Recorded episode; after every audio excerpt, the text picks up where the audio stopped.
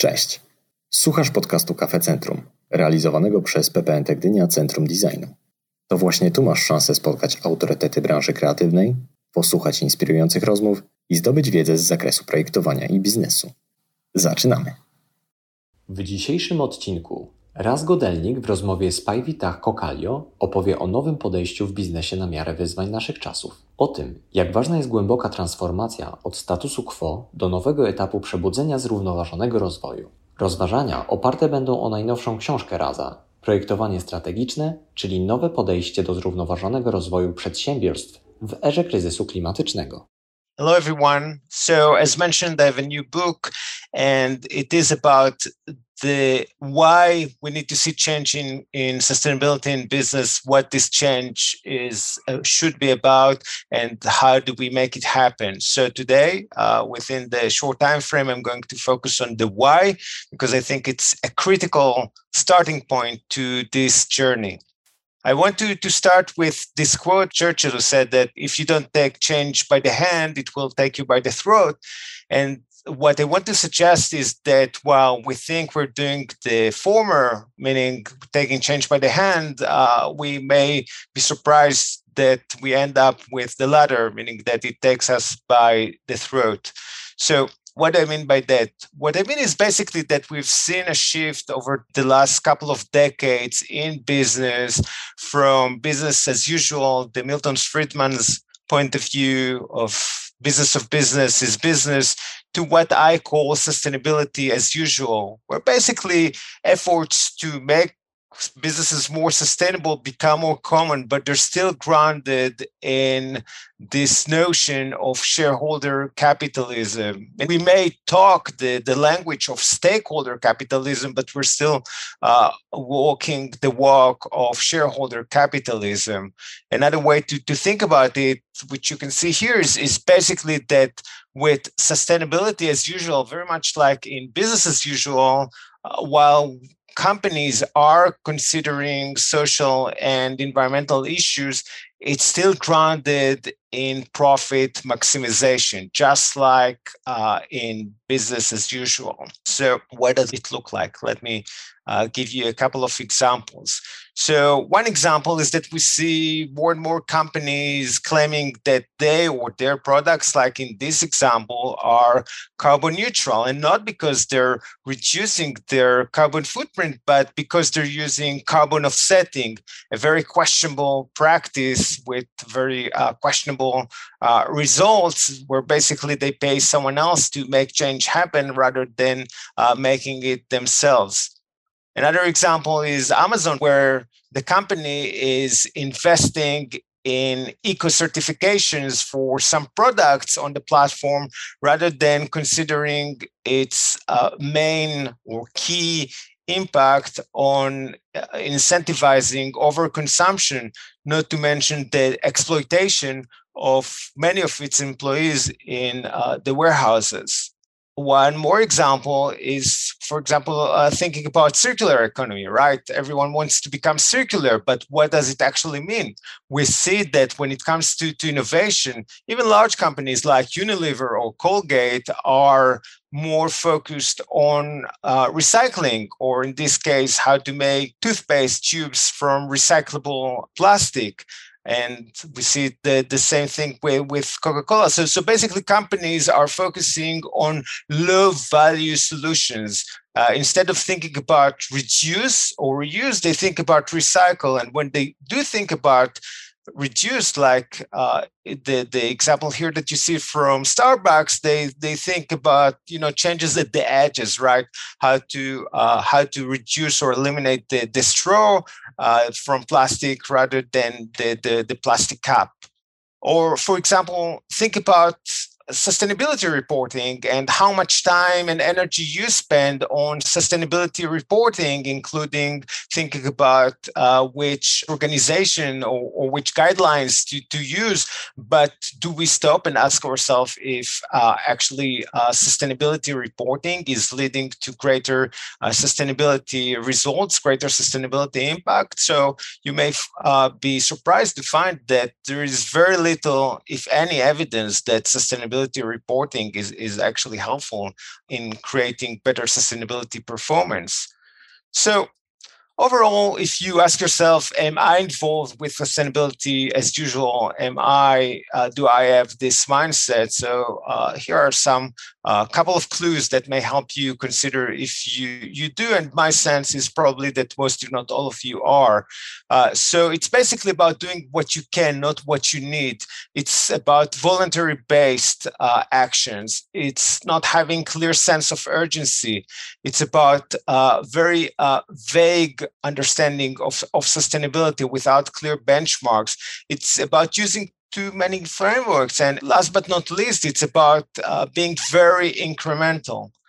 So, what's the problem with that? The problem is climate change or the climate crisis. And the idea that uh, it basically it changes everything. The house is is on fire, and we can see it literally. Here's the Guardian Weekly's uh, cover from actually from today.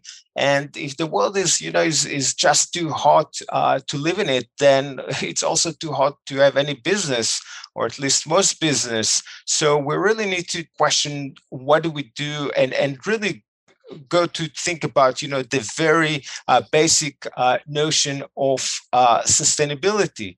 And and just to, to give you a sense again when we think about all the practices uh, and ways to promote sustainability in business that i showed you basically you can see here's from us uh, just one example of the very poor results that they have in terms of their impact right? This is from the, the state of green business 2021 companies are 72% short of required emissions reductions to achieve the Paris Agreement goals. And this is just about stated targets. This is actually not about implementation, which is even worse. So another uh, critical problem is also the timeline. And I like to use this quote from Alex Steffen that the problem is not just that we need to win, we need to win quickly because winning slowly is basically the same thing as, as losing, right? So we have a very short uh, time frame, a very uh, short window of opportunity to act. And within this short time frame, it is very clear that sustainability as usual approach is just not good enough. So going back to the, the Churchill's quote, right, we, we need to consider that perhaps it's not really about change. What we need in order to adjust to, to fight the, the climate crisis is really to consider transformation, right? So it's really about if, if we don't uh, take transformation by then, then it will take us by the throat. So we really need to consider that the climate crisis is a context that changes everything, that redefines and reshapes life, including business. And, and so we, we really need to think about uh, transformation and how we need to be pushing for transformation, not just incremental change, as we see with sustainability as usual. So, in my book, I'm also talking not just about the why, but also what is it that we need to, to see? What is the change that we need to see? What is going to replace sustainability as usual?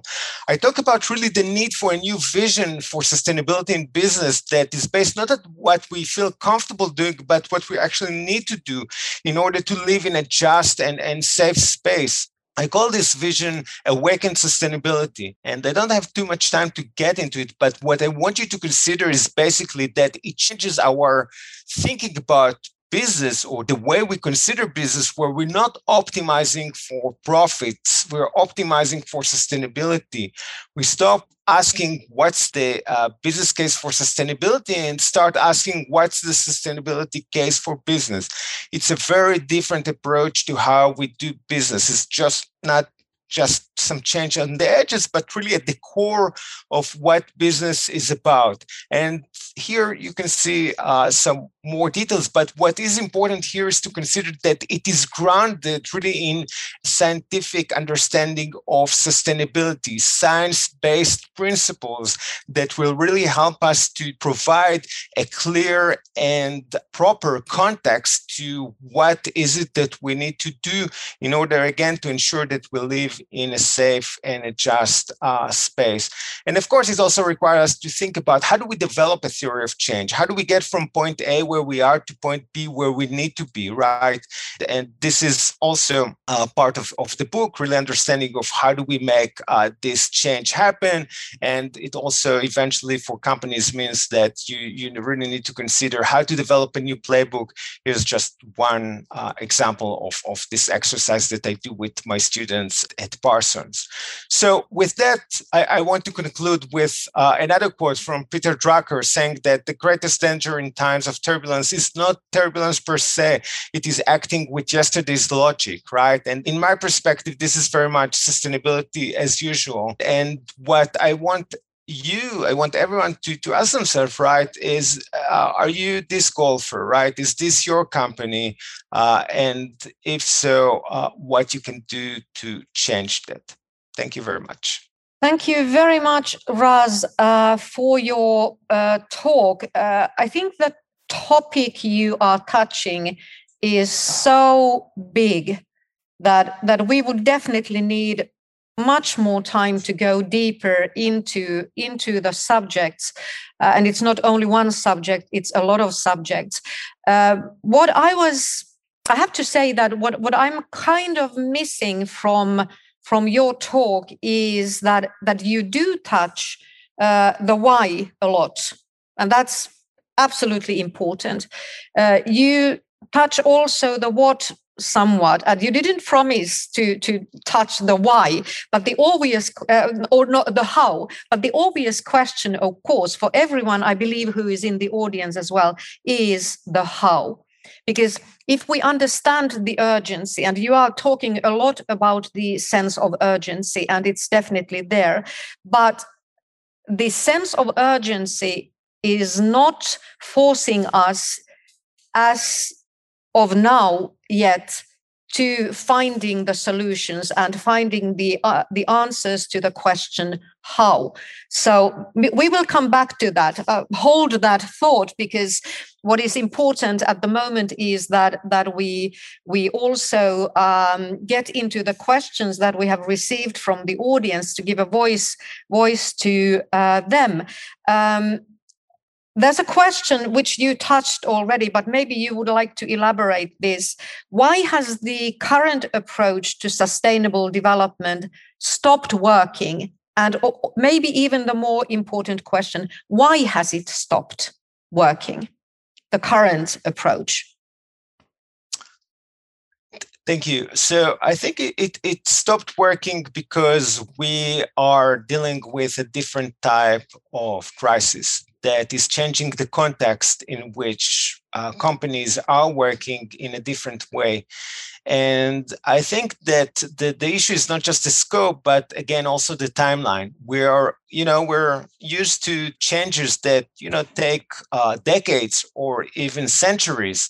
And this is fine. But we are definitely aren't used to changes that happen very quickly and require not just incremental change but really uh, a transformative change in a very short time. And, and that really requires us to reevaluate our understanding and how we do business. It's a very different context comparing to you know other challenges that business had to deal with in the past uh, that's that's obviously something we are becoming more and more aware of.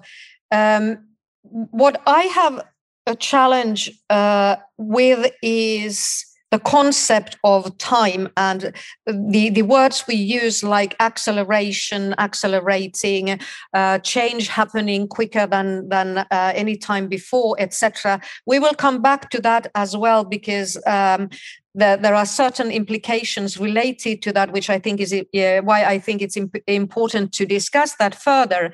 But before going to to uh, that road, uh, there's um, a question from uh, Justina.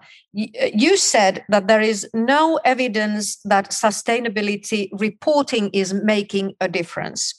How to measure impact then? If, if that is not the right way, what would be a better way to, to measure impact? Uh, she concludes I assume that reporting is just uh, finishing phase and communication of business efforts uh, inside, not practice per se. So, uh, no evidence of sustainability reporting is, is making a difference. What would be a better way to measure the impact? How would you respond that? Sure. So just to be clear, I'm not saying that we should throw our reporting out of the window. What I'm saying is that we are paying perhaps too much attention and put too much energy into reporting rather than considering impact, right? And again, part of it, I think, so there are two points to consider, right? So one is really the level of the energy that we put into it. And, and second, also, I think it goes hand in hand with the question of context, right? And going back maybe to your earlier point about the how, I think that it's a journey. And the first step is in every journey is really to be honest on where you are, which is why I think the why is critical. And understanding that the context that we use, for example, for reporting is just not good enough or in many cases it just doesn't exist right? Companies for example i would challenge everyone to to write to to take uh, to take a, a, two companies reports and try to to make sense out of them and say which company is better or which company is not just doing something good but something that you know or, or something that is good enough. I've been reading sustainability reports for 15 years and i still can't make sense out of them. I think that what we need is you know is to make sure that a uh, these reports have the the the, the right uh, context the, and b that also we that we have a way really to to create i mean going to to design right? How we design better reporting. How do we make sure that it's you know user friendly that you that stakeholders right or right holders could understand them could ensure that you know com- companies are accountable uh, for their actions. I think that in many ways right when you publish an you know 80 uh, page report, one thing is that it, it's very, no one will read it, and it's very difficult, if not impossible, to, to hold companies accountable with this type of reporting. I have a question, sort of continuing this uh, a bit, because obviously the business uh, scene uh, varies from one country to another. But uh, at least in Europe, uh, a common element in economy in all European countries, um, I would say in all European countries, is that uh, a vast majority of businesses is SMEs, small and medium-sized enterprises. So it's quite understandable that that big companies, the biggest companies, they have resources to work on this hands-on as well. We know that that this is a it's a different situation for SMEs. So, what advice would you give to small and medium sized enterprises and even to micro enterprises? A big uh, portion of SMEs is actually micro enterprises. Because if we are aware, and I'm sure that they are aware of the urgency as well, but how, how can you take actions if you are a micro or a very small business? Sure. Yeah, that, that's a great question. And I think going back to this, right, to, to this quote of, of Churchill, right, we see that uh, this, right, the, the, the relationship, right, between small companies and large companies eventually lead to uh, having um, sort of, you know, the, this shared relationship uh, lead companies, even small and medium ones, to consider you know these changes whether they like it or not. Let, let me give a, a quick example and then I'll answer your question. So basically, we saw uh, a month or two ago Salesforce basically forcing all of its suppliers, including small, medium companies, to adopt a uh, science-based target, basically to, to make sure that they're aligned with the Paris Agreement goals. And I think that we're going to see more and more companies that are taking similar steps.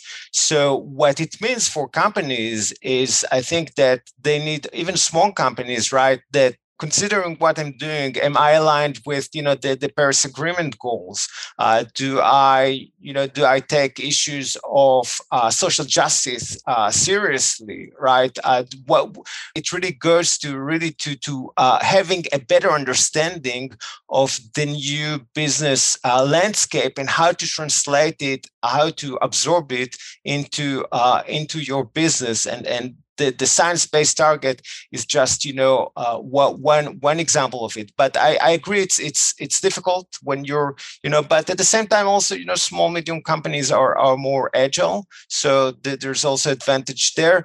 Overall i think that we'll need to see more uh, support of large companies working with their suppliers, working with uh, the companies in their ecosystem, uh, more support from the government, hopefully also from the EU, helping companies to, to make this transition happen. Maybe this is uh, also a question um, which we uh, related to what we talk a lot about in Europe at the moment, which is uh, with, within the context of European Union, within the context of, of industrial policy, for example, or industrial strategy for the whole continent, uh, which is that we would we definitely need to work more across disciplines.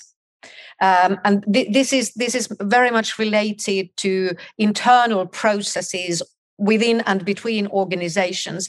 But maybe this would be something that that would be should be taken up uh, in the business context in general as well. Uh, businesses working across businesses. Because perhaps climate change is is a challenge which well we all know that it can't be solved by anyone alone. Not any brand not any any any track not any uh, industry not any ecosystem it's a systemic approach. We need you know a lot of uh, collaboration uh, across.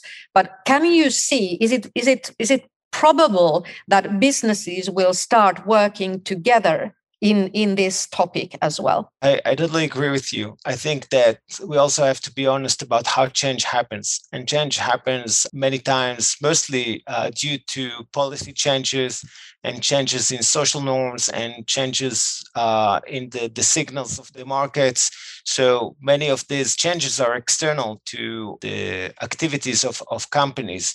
At the same time, I think that it's important for companies to think how they can become part of this change, how they can become change enablers, right? Uh, how they work with uh, their stakeholders uh, to promote change, how they work uh, with policy uh, makers to, to promote change, to, to make sure that their voice is, is heard. Businesses could help change happen and they could also become an obstacle, right? So I think every business, small or, or large company, should ask itself, am I a change enabler and I maybe even mm. an agent of change or am i uh, you know an obstacle making it more difficult and and you you want to be you know the, the former not the latter at this point i will thank you it has been great uh, to have you with us. And uh, I wish you a very good day. You, your day has only just uh, started uh, across the, the little pond between us and you. Thank you very much, and very good of you to share all your insight with us. Thank you. Dziękujemy, że byliście z nami. Na dziś to wszystko. Po więcej ciekawych treści zapraszamy na naszą stronę internetową www www.centrumdesignu.gdynia.pl i media społecznościowe. Do usłyszenia w kolejnym odcinku